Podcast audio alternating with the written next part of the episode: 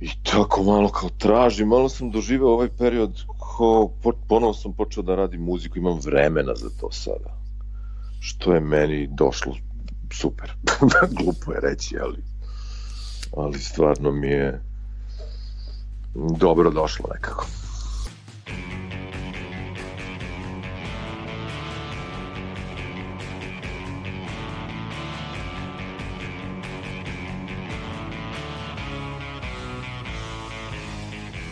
Slušate novo izdanje podcasta Reaguj, nezavisnog društva novinara Vojvodine. Podcast koji vam donosi priče o solidarnosti i životu ljudi za vreme vanrednog stanja. Mi smo Aleksandra Bučko, Sanja Đorđević i Iva Gajić. Srpska dijaspora je u centru pažnje od početka vanrednog stanja u Srbiji. Procenjuje se da van granica bivše Jugoslavije živi između 2 i 3 miliona državljana Srbije – U ovoj epizodi podcasta Reaguj govorit ćemo o tome kako izgleda život u svetu u vreme pandemije. Donosimo vam priče iz Švedske, Italije, Španije, Austrije, Švajcarske i Sjedinjenih američkih država. Jedna od glavnih tema u javnosti je i dalje različitost mera koje države sprovode kako bi sprečile širenje koronavirusa i poređenje njihove učinkovitosti. Dok u Srbiji imamo policijski čas, u pojedinim državama život funkcioniše uz minimalna ograničenja. Švedska je verovatno jedan najliberalnijih primjera kada je reč o donetim merama. Granice su zatvorene, ograničen je broj ljudi koji se može okupiti na jednom mestu, ali svakodnevni život i dalje teče uz poštovanje pravila o fizičkoj distanci i broju okupljenih ljudi. Naša sagovornica Olgica Novaković, koja 30 godina živi i radi u Švedskoj, kaže da je individualna svest građana o ovom problemu na visokom nivou. Nekih zvaničnih ograničenja nema, sve se svodi na na disciplinovanost stanovništva i, i na njihovo, njihovo shvatanje e, situacije. Svakog dana šetam pored škole i obdaništa, to je puno dece. Deca znači idu normalno u školu, osnovno i u obdanište.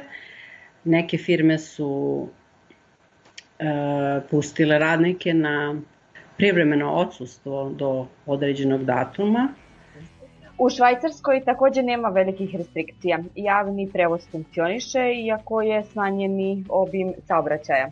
Na preduzećima je da odluče da li će raditi od kuće, a zabranjena su okupljanja više od 5 osoba.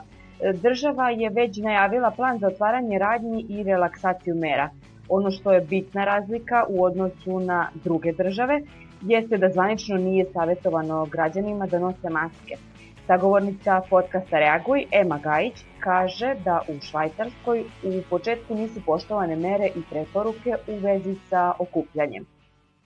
Sad mislim da je to već malo bolje i malo ozbiljnije. A, nema nikakvih, iako nema tih nekih većih zabrana, ništa nije zabranjeno, nije tebi ni zabranjeno da izađeš iz kuće, nije ti zabranjeno ni da ideš u supermarket, ni da se šetaš, ni da ideš na posao, ništa nije zabranjeno pa je valjda zato trebalo malo više vremena da to postane nekako ok. Uh, mada i dalje ima puno ljudi na polju.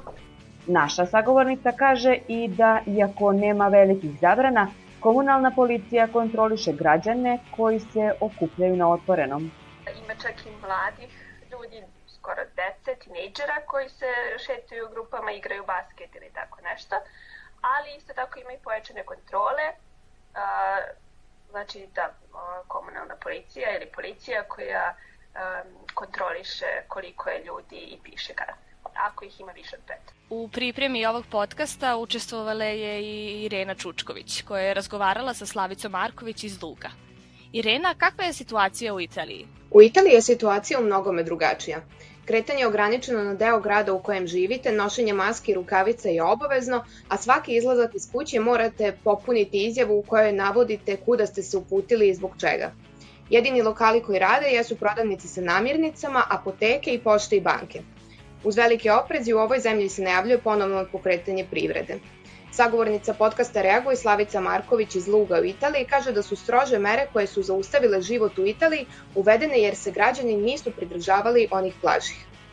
Znači prvih e, nekih 15-20 dana niko nije verovao da će da bude tako kako je i mnogi nisu poštovali mere zato što recimo po restoranima prvih neko prvih desetak, 15 dana bilo je da restorani su mogli da rade samo za vreme ručka, e, večerom su trebali da budu zatvoreni i za jednim stolom su mogli da budu samo recimo članovi iste familije. Međutim, to niko nije poštovo i tako da su na kraju odlučili da se skroz zatvore restorani, svi barovi, diskoteke i sve to gde se skupljalo mnogo ljudi.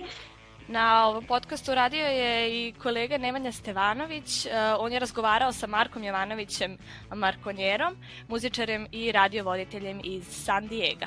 Sjedinje američke države upravo se ovih dana suočavaju sa talasom zaraze, ali i sa novim talasom protesta za pokretanje privrede, jer su mnogi ostali bez posla od početka pandemije. Marko je za podcast Reaguj ispričao kako izgleda život u toj zemlji ovih dana. On veruje da razlog za donošenje različitih mera u Americi i u Srbiji leži u različitim načinima društvenog života u ove dve zemlje i pre pojave pandemije. Mislim, imamo ovde jedan kafić koji drži jedan naš zemljak, baš jedan naš Nišlija, koji tu 15 godina. I tu recimo se okupljaju naši ljudi, dođu, svrate na kafu i tako dalje. To ja nisam bio, boga mi, mesec dana, tačno koliko je proglašeno ovde vanredno stanje. Mm, malo se ovde lakše to podnosi zato što nema bukvalno izričite zabrane. Sve se svodi na jake preporuke da ljudi sede kod kuće i da se distanciraju, da se distanciraju fizički, što je, ove, ne znam ko je rekao, da li je to bio nije ni bitno ko je, ko je skrenuo pažnju na to, ali nije socijalno distanciranje, već fizičko distanciranje. Svi možemo, sad imamo mogućnosti da se družimo online, da pričamo telefonom i to, ali bitno je fizički distancirati se, što je ovde valjda i inače tako način života.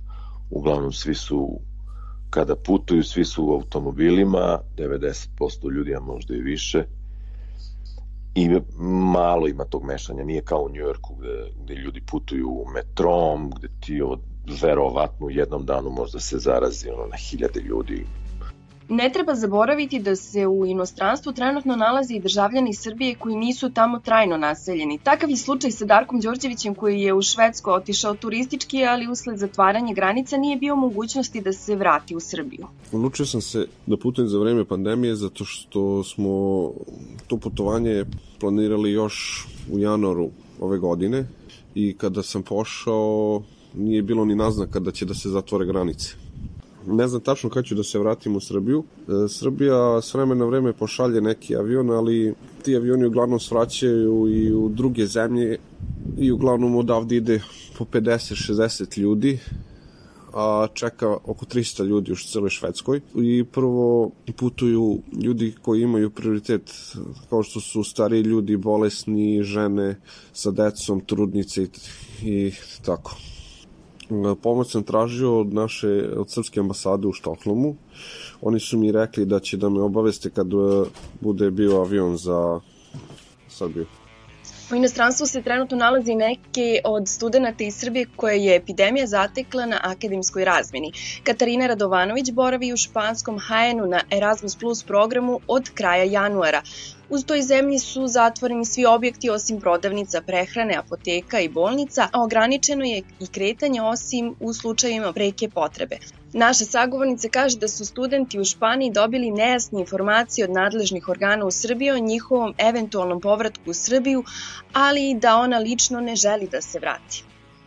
I rekli su nam da ako bismo se vratili, prvo su nam rekli da treba da budemo u kućnoj izolaciji, 15 do, ne znam, 28 dana, a uh, potom su zvali posle par dana drugu koleginicu i rekli su mi da bi trebalo da bude na sajmu 28 dana. Tako da ako bismo se vratili tim avionom, ne znamo ni da li se plaća, nikad nam nije dao tu informaciju, um, ne znamo ni kad bi bilo, ni odakle bi krenuo, pošto ja u HN-u aerodrom nemam, najbliži u Malagi koja je apsolutno blokirana. Ne možemo da dođemo do Malage jer su jel te, zabranjena kretanja od opštine do opštine.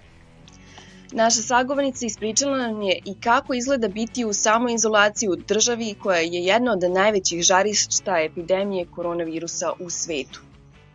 užasno je. Nije meni užasno sam daleko od kuće, nego recimo im, um, skoro sam počela da razmišljam pošto su me bolela pluća. Kako se zatvorila uskoro mesec dana, pluća me bole jer se ne pomeram, jer ne radim ništa.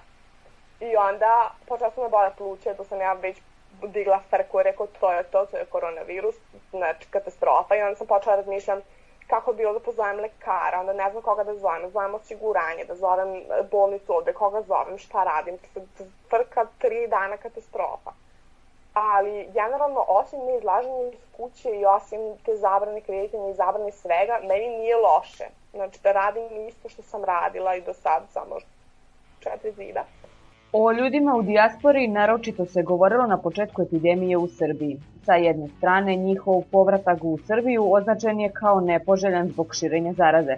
Sa druge strane, pokrenut je sajt Tačka povratka, na kom je upućen poziv slobodnim medicinskim radnicima i radnicama u inostranstvu da prijave svoju raspoloživost i pomognu Srbiji u borbi protiv koronavirusa. Lingvista, predavač i zamenik upravnika Instituta za slavistiku Univerziteta u Gracu, dr. Boban Arsenijević, kaže za podcast Reaguj da je ovakav paralelni diskurs doveo do zbunjivanja javnosti, čime su građani postali podložniji medijskoj manipulaciji.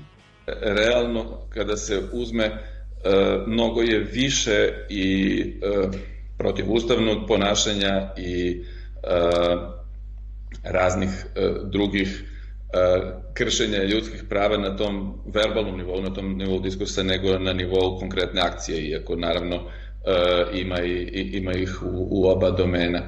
Ovaj, ali kako to shvatiti, ja, ja zaista čak ne mislim ni da je to stvar uh, praktičnih interesa, pa eto, potrebni su ljudima, na primjer, mislim, državi su potrebni zdravstveni radnici, pa zbog njih možda zove povratak, ali nisu, ali se boji širenja zaraze od strane ostalih, pa njih ne želi da primi. Mislim da se zaista bukvalno radi samo o traženju e, različitih vrsta sadržaja za medijske manipulacije i klasičnom, e, klasičnom dezorijentisanju javnosti time što se jednog dana e, kaže jedno, sutra dan se kaže potpuno suprotno. Naš sagovnik kaže i da je glavna razlika između Srbije i Austrije u ovoj situaciji način na koji vlast da instrukcije građanima, kao i tamošnja veća individualna svest pojedinaca. Generalno, osnovna razlika je u tome da se u Austriji uh, da postoje jasne e, smernice vlasti, da postoje i restriktivne mere u smislu da se, na primjer, naplaćuje kazna od 600 evra, ono, neko prekrši pravila i recimo uđe na sportsko igralište ili na dečije igralište, ali uh, uglavnom je uh, teret uh, svih tih mera iznelo prosto jedno visoko svesno javno mnjenje, dakle, uh, svest na nivou svih pojedinaca, e, dobra informisanost na nivou pojedinaca, odgovornost i taj stav vlasti koja na taj način pristupa problemu da se ovaj da se jednostavno apeluje na, na pojedince i na uh, odgovornost. Situacija oko pandemije koronavirusa pokazala nam je koliko je važna komunikacija i održavanje veza između države i njenih državljana koji žive u dijaspori. Migracija i dijaspora je program koji se u Srbiji sprovodi u okviru Nemačke međunarodne saradnje. U pitanju je globalni program koji se proteže na četiri kontinenta i sprovodi u 22 države. Ovaj projekat i njegova implementacija u Srbiji odnosi se na vezu Srbija-Nemačka u oba pravca. Milica Lješević, koordinatorka programa Migracije i dijaspora u Srbiji, objašnjava da je program široko postavljen od podrške visoko kvalifikovanim osobama koje se vraćaju u zemlju svog porekla ili samo žele svojim znanjem da doprinesu svojoj matičnoj zemlji do podrške organizacijama koje su osnovane u dijaspori. Iako ovaj program postoji već treću godinu u Srbiji, nije konkretno oblikovan za novonastalu situaciju ali Lješević objašnjava kako su odmah po nastanku ovih okolnosti pokušali da pronađu način da se do sadašnji učesnici uključe u program. Ono što, što je bitno jeste da svakako neka razmena znanja uvek može biti od koristi. Prva ideja je bila naravno da se e, kontaktiraju osobe koje su iz zdravstvenog sektora, međutim oni kao i e, svi naši ovde radnici u zdravstvu imaju donekle obavezu da budu na svojim radnim mestima i da se angažuju u okviru svojih organizacija i institucija gde rade, tako da tu nije postojala, da kažem, neka fleksibilnost i, i mogućnost za, ne, za neku mobilnost, tako da se tu sad razmatraju eventualno neke neki digitalni formati, ali i neki drugi formati gde smo recimo imali jedan predlog sa osobom koja je stručna iz oblasti molekularne biologije, da se tu razviju neki predlozi koji bi mogli doprineti konkretno našoj situaciji. Interesantno je da je u proteklih 5 do 10 godina puno zdravstvenih radnika emigriralo u Nemačku. Međutim, kako bi se usavršio kvalitet života ljudi, pa i kako bi se prebrodila epidemija, potrebna je razmena ekspertize i iskustva raznih stručnjaka. Lješević to i potvrđuje. Zbog čega je to važno? Važno je zato što um, Nemačka kao jedna isto od um, najjačih e, ekonomija uh, ima vrlo često dobre uslove i okolnosti i mogućnosti za kvalifikovane ljude da se e, dobro razviju profesionalno i onda je to naravno značajno kada ta znanja mogu da se podele ovde, kada osobe koje e, su uspešne mogu da se uključe u recimo rad organizacija, mogu da se razmenjuju sa svojim kolegama. Dakle, to je nešto što je važno i na kraju krajeva oni uvek mogu i da budu da kažem neka veza, odnosno spona između nekih novih e, kontakata koji nastaju. Slušali ste Reaguj, podcast Nezavisnog društva novinara Vojvodine, u kom smo govorili o životu u srpskoj dijaspori u vanrednom stanju. Da biste bili obavešteni o našim najnovijim epizodama, prijavite se na naše kanale na iTunesu, Stitcheru, Castboxu, Sounderu, Google podcastima, kao i na sajtu podcast.rs. Ocenite naše sadržaje i naravno pišite nam ukoliko imate neki komentar ili sugestiju. Naša mail adresa je podcast.ndnv.org. Nezavisno društvo novinara Vojvodine možete naći i na Facebooku, Instagramu i Twitteru. Ukoliko želite da nas podržite, to možete učiniti na sajtu donations.ndnv.org. A do sledećeg slušanja, ostanite kod kuće.